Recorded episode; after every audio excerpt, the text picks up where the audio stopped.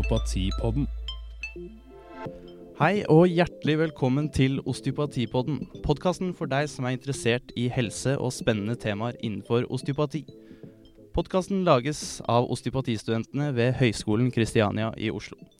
Hvis du ikke har fått det med deg, vil jeg hørt på første episode der Hanna og teamet forklarer deg hva osteopati egentlig er. Og hvis du er interessert i å kontakte en osteopat, kan du stikke innom Høgskolen Kristianias resepsjon her i Prinsens gate Oslo for å bestille en time hos studentklinikken. Eller du kan sjekke ut Norsk Osteopatforbund sine nettsider, osteopati.org, hvor du kan søke opp din nærmeste osteopat. Mitt navn er Christian Eikvar. Jeg er 23 år gammel og har brukt to av de årene her, og er nå inne i mitt tredje. Jeg skal lose dere trygt gjennom Osteopatipodens andre episode, og med meg i dag har jeg et fantastisk studentpanel bestående av Sara Gilje, Emilie Nyman og Eirik Hamborg. Hallo til dere. Hallo! Hei! Så vi tar en kjapp eh, presentasjon av panelet. Sara, eh, alder, hvilket år går du, og hva syns du er det beste med å studere osteopati? Ja, hei. Eh, Jeg er da 28 år, og jeg går i fjerde klasse her på skolen.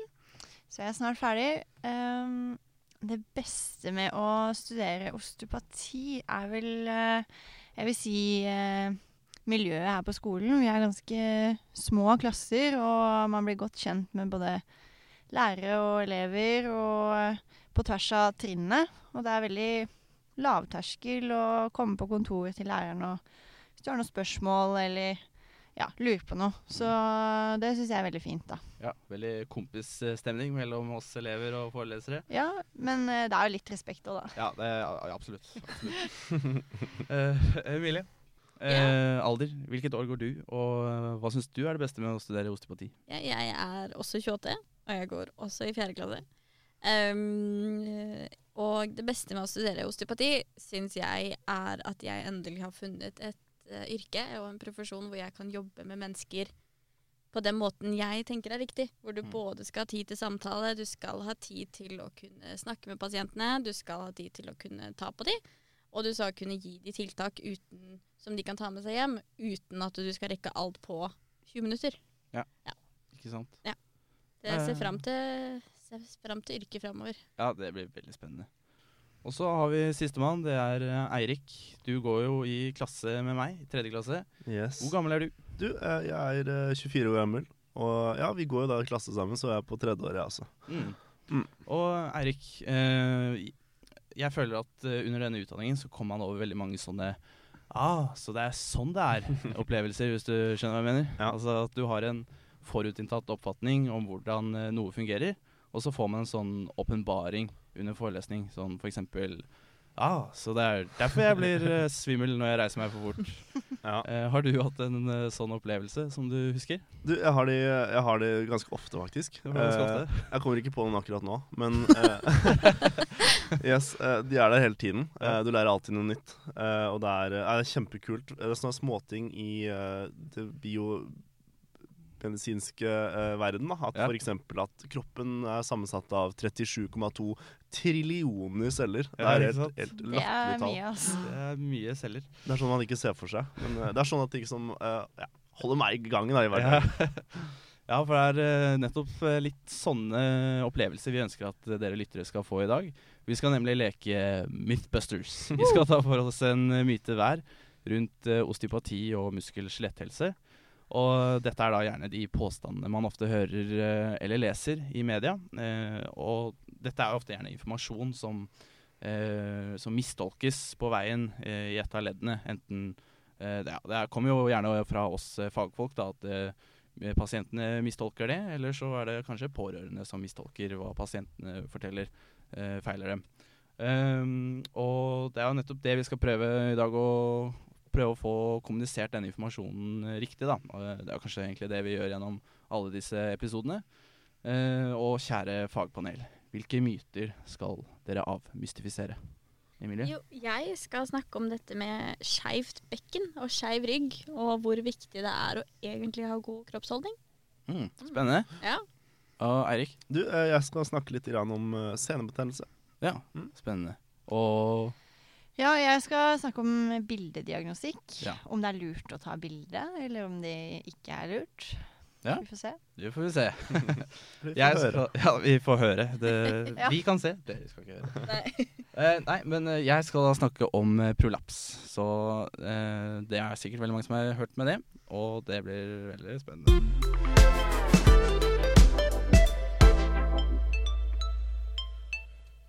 Yes. Eirik. Senebetennelse. Yes. Hva er det? Senebetennelse. Du, eh, jeg skal snakke litt om hva en senebetennelse er. Eh, jeg starter med et lite spørsmål, så jeg slenger det ut til, ut til dere lyttere igjen. Eh, for så vidt også dere i studio. Eh, jeg lurer på, Vet dere hvor i kroppen det er vanligst å få en eh, senebetennelse? Da kan vi eh, som er her i studio svare, i hvert fall. Eh, skulder, kanskje? Eh, skulle være helt korrekt. det er helt riktig. Jo, så ikke den komme. Du, uh, det vanligste å få uh, sendebetennelse, eller det vi kaller tenninopati, eh, i rotatorcuffen vår. Eh, dette er da oftest også den muskelen som heter supraspinatus, som er en del, en av musklene i rotatorcuffen. Mm. Eh, dette er faktisk den vanligste skulderlidelsen vi har.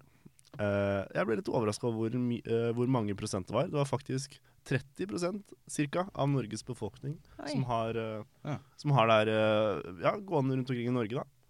Ehm, men det er viktig å tenke på at man kan ha det se, uten å ha symptomer eller smerter.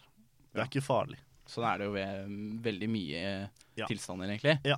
Det er, eller, ja, da er det kanskje ikke en tilstand, på en måte, men endringer, da. Mm. Eh, du, jeg skal snakke litt da om uh, hva er en senebetennelse.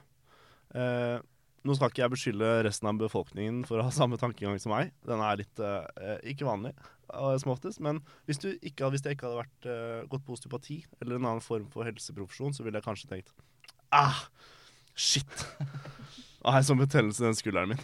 Nå kan jeg ikke ah, kan jeg ikke bruke den. Eller ah, den ankelen min. Er det betennelse i den ankelen? Hører at du lider. eh, Det er jo veldig vanlig. Det er jo Mm. mange som Du hører jo det ofte. Ja, Ja. Det er uh, noe som kommer og går. Ofte ting du hører. Spesielt fotballspillere. Ah, hvis ikke det har vært for den. Ikke sant? Det er andre ting, da. Ja. Men, uh, yes. Man kan faktisk Jeg skal bare avklare litt. Jeg skal snakke litt om tenninopati. Uh, ofte kalt overbe overbelastning. Ja. og ikke da uh, betennelse, en ren betennelse i skulderen. Ja, for Det er det er gjerne tendinitt, ikke sant. Yes. Her er da en faktisk eh, betennelse eller betennelsesreaksjon som oftest kommer etter skader eller kutt, f.eks. Sånn som du kan få en kutt i fingeren og bli rød og hoven og sånn. Dette er en betennelse. Ja. Mens det i skulderen er det en overbelastning. Yes. Uh, årsaken da, til tendinopati uh, er da en overbelastning. Eh, man bruker muskulaturen ofte for raskt og for mye. eh, som kroppen er uvant, uvant med. Uvant belastning. Too much too soon. Yes. Ja. Du tar uh, orda ut av munnen min, Kristian. Jeg oppsummerer. Det er min oppgave. Eh, så det vi ser da, er at senene våre er jo muskulaturens eh, festepunkter til kroppen, til skjelettet. Eh, og når vi bruker muskulaturen, beveger oss, så belaster vi både muskler, men også senene.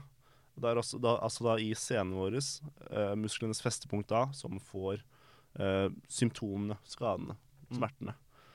Eh, når man belaster en scene, så eh, starter vi i gang en både oppbygningsfase, men også en nedbrytningsfase i selve scenen. Eh, og vi ser at eh, når man bruker scenen, så er denne nedbrytningsfasen den er ofte sterkere de første 24 til 36 timene etter belastningen. Så det betyr da at du er svakere i scenen etter da de 36 første timene enn det du var før du begynte å belaste scenen. Så den varer litt lenger også, gjør den ikke det? Ja. Og etter da disse 36 timene så er mus eller scenen da blitt sterkere. Mm. Og det er det vi ser da hos de, de som ofte får teninopati, er at de bruker scenen mer enn den egentlig tåler før den er restituert igjen. Og da får man, kan man få smerter. Så det går jo egentlig på, på en måte restitusjon, da, selv om dette ikke nødvendigvis handler om trening, men bare Mm. generell belastning. Som f.eks. et oppussingsprosjekt hjemme. Så hvis ikke man er eh, tømrer, så, så, så kan det plutselig bli, som du nevnte, too, eller som jeg nevnte, too much too soon. Yes. often with too little rest. Yes. Mm. Um, så da tenkte jeg jeg skulle snakke litt om prolaps. Prolaps eh, det kan jo være veldig plagsomt og smertefullt. Og eh, man, kan ha det, man kan også ha prolaps helt uten symptomer. Rundt eh, 80% av oss får korsryggsmerter eh, en gang i løpet av livet. Og 5-10% av disse tilfellene kan være prolaps, eller hvor prolaps er en medvirkende faktor da, for at du har smerter. Eh, man regner også at rundt 40% av prolapser forekommer uten ryggsmerter. Så som vi nevnte i sted, at det er vanlig at man kan ha eh, endringer på innsiden eh, som ikke nødvendigvis eh, gir smerte, men det kan. Eh, og det er jo, prolaps er da vanligst i korsrygg og nakke, eh, og forekommer sjeldent i brystryggen. da. Eh, skiveutglidning er kanskje noe dere har hørt eh, før? Ja, det høres veldig skummelt ut. da. Ja. Det høres ganske heftig ut, egentlig. Skiveutglidning. Ikke manusbasert eh, denne podkasten her, altså. Eh, skiveutglidning er jo ja, det er ganske misvisende begrep, egentlig. Da disse eh, mellomvirvelskivene de, de, de er ganske eh, sterke strukturer. Eller hele ryggen vår er en veldig sterk struktur som er skapt for bevegelse, så den kan altså ikke gli ut. Eh, og ryggen vår er eh, skapt for bevegelse og, eh, og belastning. Eh, så det er denne mellomvirvelskiven da, som tillater denne belastningen og bevegelsen av ryggsøylen vår. Eh, vi har faktisk 23 slike eh, mellomvirvelskiver som er segmentert gjennom eh, ryggsøylen i forskjellig størrelse og former. Eh, og hvis ikke vi hadde hatt eh, disse, så hadde vi kanskje bare hatt én lang knokkel eh, som ryggsele, og det hadde nok sett litt eh, corny ut. Eh, og- ja, ikke sant? En sånn pinnemann, sånn som man tegnet på barneskolen. Og kjapt da, så eh, Prolaps er jo altså da denne mellomvirvelskiven er eh, Den er utsatt for eh, aldringsendringer og eh, repetitiv eh, stressbelastning. Over tid så kan den rett og slett eh, rupturere. Da. Det kan bli en skade på denne veggen, og det er gjerne bak, ut mot siden, eller eh, rett bak, midt, midt på. Eh, og da er det en sånn eh, geléaktig kjerne, litt sånn som disse ballerinakjeksene, eh, hvor denne kjernen eh, under belastning kan eh, trykke ut.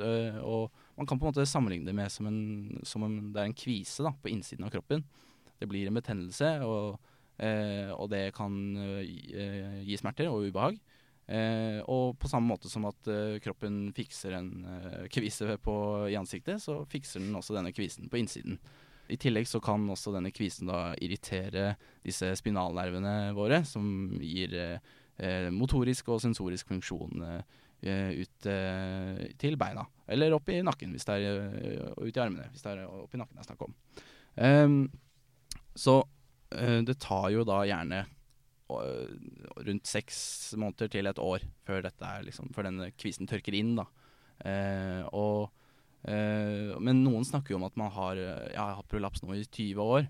Og da er det egentlig snakk om heller at eh, den regionen man hadde prolaps, at det er eh, ja, det vi kaller for sensitivisert. Da, at det, det skal mindre belastning til. Eh, og så kanskje man assosierer bevegelser eh, med smerte. Eh, og, og da kan det være greit å kanskje få litt eh, hjelp på veien av en terapeut.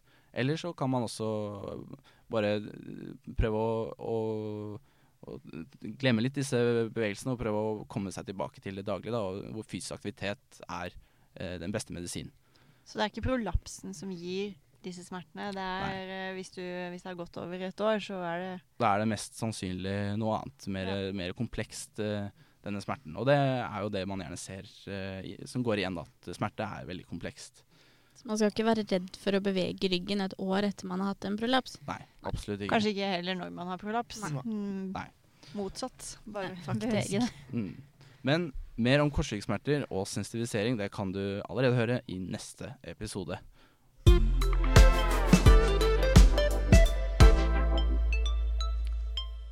Yes, vi skal videre. Og så da er det billeddiagnostikk, Sara.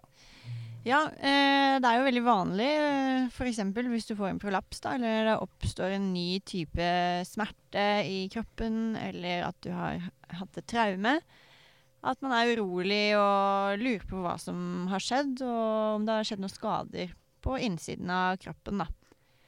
Og jeg kan jo ta utgangspunkt i egen erfaring eh, fra en skink i nakken eh, som var ekstremt smertefull, og jeg lurte på hva som var riv ruskende galt der.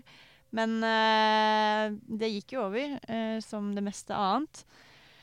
Og vi har jo mange typer eh, eh, som man kan ta av kroppen, og da har vi f.eks. ultralyd Mm. som man tar eh, når man ofte er gravid.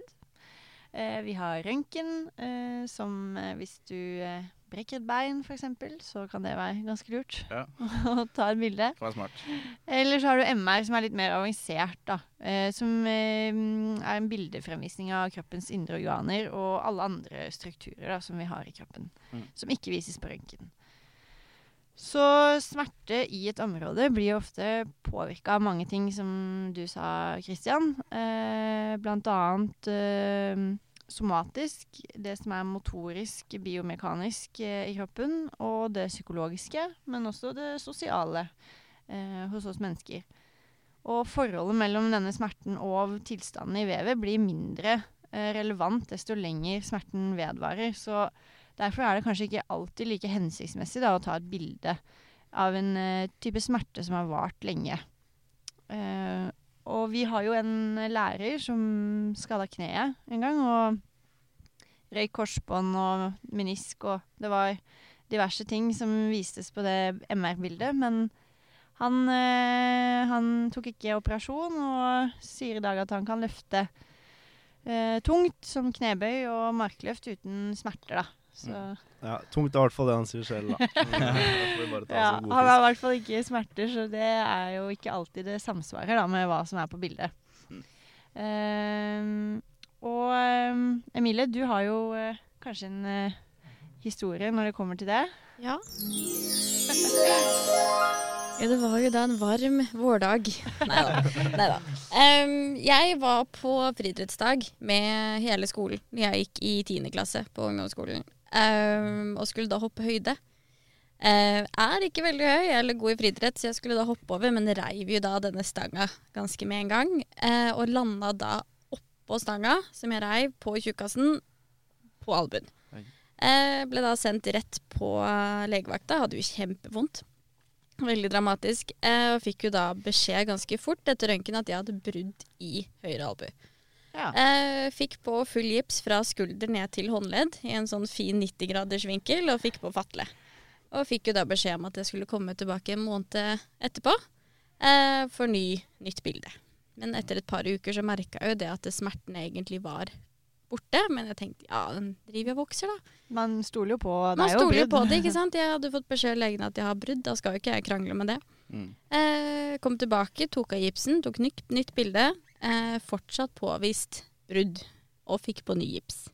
På vei ut døra så kom da en lege løpende etter meg og mamma, og ba oss komme tilbake på kontoret igjen. Og da var de ganske ydmyke, for de så jo det at det var jo rett og slett jeg som ikke var ferdig utvokst. Jeg hadde aldri hatt brudd. Det var ikke brudd. Aldri! Jeg hadde aldri brudd i albuen min. Jeg var bare litt, gips. Ja, liten for alderen. um, og det er jo det at noen ganger så kan jo de også ta feil. Og det er jo liksom det, det er forskjellige utfall som kan komme av et bilde, og man kan kanskje forvente at det skal komme fram noe på bildet, men så gjør det ikke det, og man sitter igjen med en skuffelse og leter kanskje etter andre grunner til hvorfor man har den smerten. Mm. Eh, det kan komme fram eh, helt naturlige funn på bildet som en aldringsprosess. Eh, som du snakka om, Kristian, også. Rynker på innsiden. Eh, og da kan man kanskje tenke at uh, nå er det enda en ting som feiler meg. Eller at man, eh, det kommer faktisk det man, man tror det er, som prolaps eller artrose, og setter seg selv i en slags diagnoseboks. da. Og når disse diagnosene som prolaps er noe som går over av seg selv, eller uh, artrose hvor det ikke finnes noen spesifikk kur, hvor trening og vektreduksjon og røykestopp er vesentlig, da. Ja. Så bildediagnostikk er bra hvis du virkelig brekker armen. Ja. eller hvis du er i en eh, for eksempel en bilulykke, eller det er, man mistenker annen alvorlig skade, da. Så er det jo bra å ta et bilde. det er et viktig verktøy Det eh, i diagnostikken, men, Ja. men eh, det kan også skape mye problemer eh, hvis, det er smer hvis tilstanden din er veldig kompleks. da. Ja. Smerten er kompleks. Mm. Mm. Yes, over på holdning og skjevheter. Yes. Hva er god holdning? Du, det kan jeg ikke svare på. Nei? For det, det er egentlig ingen. Nei? det var jo når jeg uh, skulle bli osteopat, så fikk jeg jo litt kommentarer sånn Og da kan du endelig fikse den skeive ryggen min, eller det skeive bekkenet mitt. Og uten å tro så, eller vite så mye bedre, så tenkte jeg ja ja, null stress, gi meg fire år. Um, men så viser det seg jo sånn at alle har et skeivt bekken.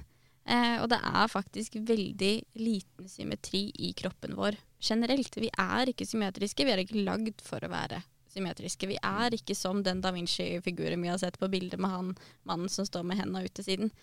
Eh, og det går jo tilbake til utviklingen vår. For når vi utvikler oss, så skjer dette veldig gradvis, og uten noe Det er et mønster i det, men egentlig ikke. Så den ene uka så kan venstre bein vokse, og neste uke så er det høyre arm. Dette da særlig i puberteten, hvor vi har alle opplevd voksesmerter. Ja, det er Um, ikke noe digg, det. Nei, det er kjempevondt. Jeg får det jo fortsatt, jeg. Det blir ikke noe høyere, Emilie. Håper fortsatt. Nei. Og da skjønner man jo at det er naturlig at et bein kan være noen millimeter enn det andre. Em, men så skal man ikke kimse av det heller, for det er jo noen som har en ganske prominent beinlengdeforskjell, men dette blir jo ofte plukket opp enten av gymlærer eller en lege, eller når barnet begynner med sport og en, får kraftige smerter. Um, men det behandles jo også med såler og andre typer ting.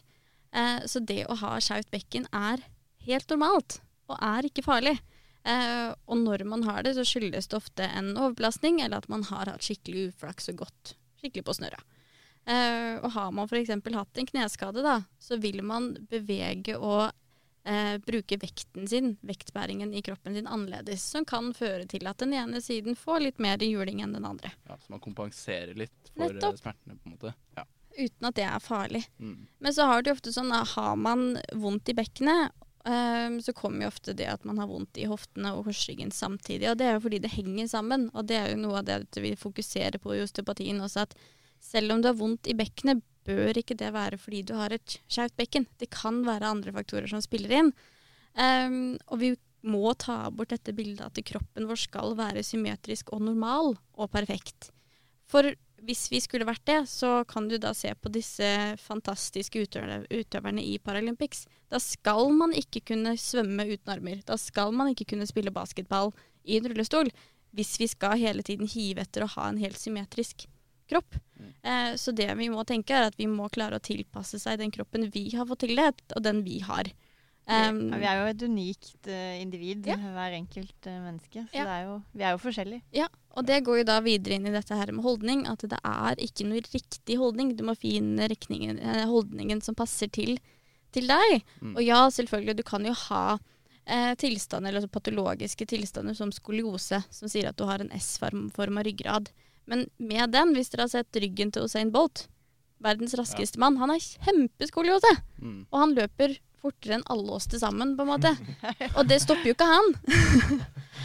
um, og kroppen vår, altså særlig dette her med feil holdning, har blitt en sånn syndebukk i ryggsmerter. Og det er også litt feil, for det er egentlig ingen forskning som kan bevise at det å ha veldig, veldig dårlig holdning kan påvirke ryggen din. Det kan påvirke mye annet. Hvis du sitter og slumper sammen, så går jo det utover altså strukturelle ting, men det er ikke det i seg selv som er årsaken til at du har vondt i ryggen. Mm. Um, og kroppen er jo ikke skjør. Den tåler jo ekstremt mye, sånn som Christian sa i stad også. Mm. Og den er lagd for å bevege seg. Ja. Ja. Ja. Og da igjen, for å sitere Christian Fossum, så er det the motion is lotion. Vi er nødt til å smøre maskineriet for at det skal fungere optimalt. Og da fungere optimalt til din kropp, med ditt skeive bekken. Ja. Ja, og du Ja. er ekspert på egen rygg, altså. ja, så Og kropp.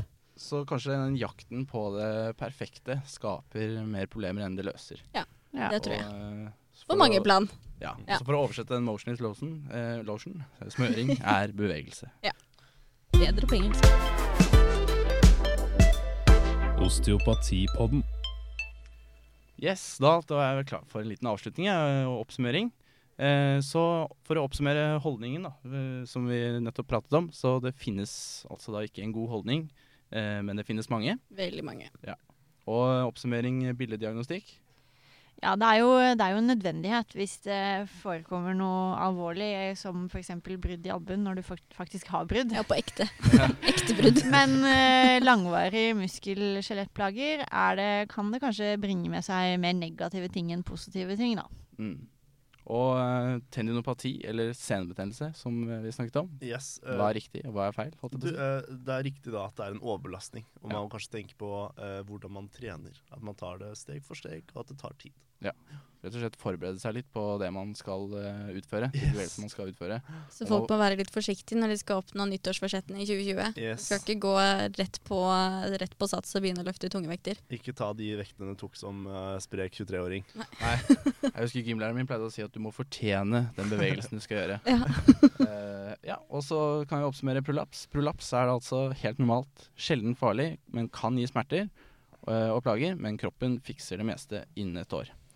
Så eh, har vi også en Facebook-side. Den må dere ta en titt innom. Osteopatipodden på Facebook. Der kommer det oppdatering om de neste episodene. I tillegg så skal da neste episode handle om korsryggsmerter. Så det blir veldig spennende. Vi har allerede vært litt innom Nå har det jo vært en liten eh, intro her nå, Ja. så det blir spennende. Mm. Og er det noe dere som hører på, lurer på, eller har problemstillinger dere ønsker å på en måte få svar på da, i neste, neste podkast, så send oss en melding. Slide into the DMs. Ja, så får vi kanskje vi får, Plutselig så hører du ditt forslag på neste podkast. Yes. Yes. Da tror jeg vi takker for oss. Takk, Takk for for nå. oss. Takk for Ha det! Ha det.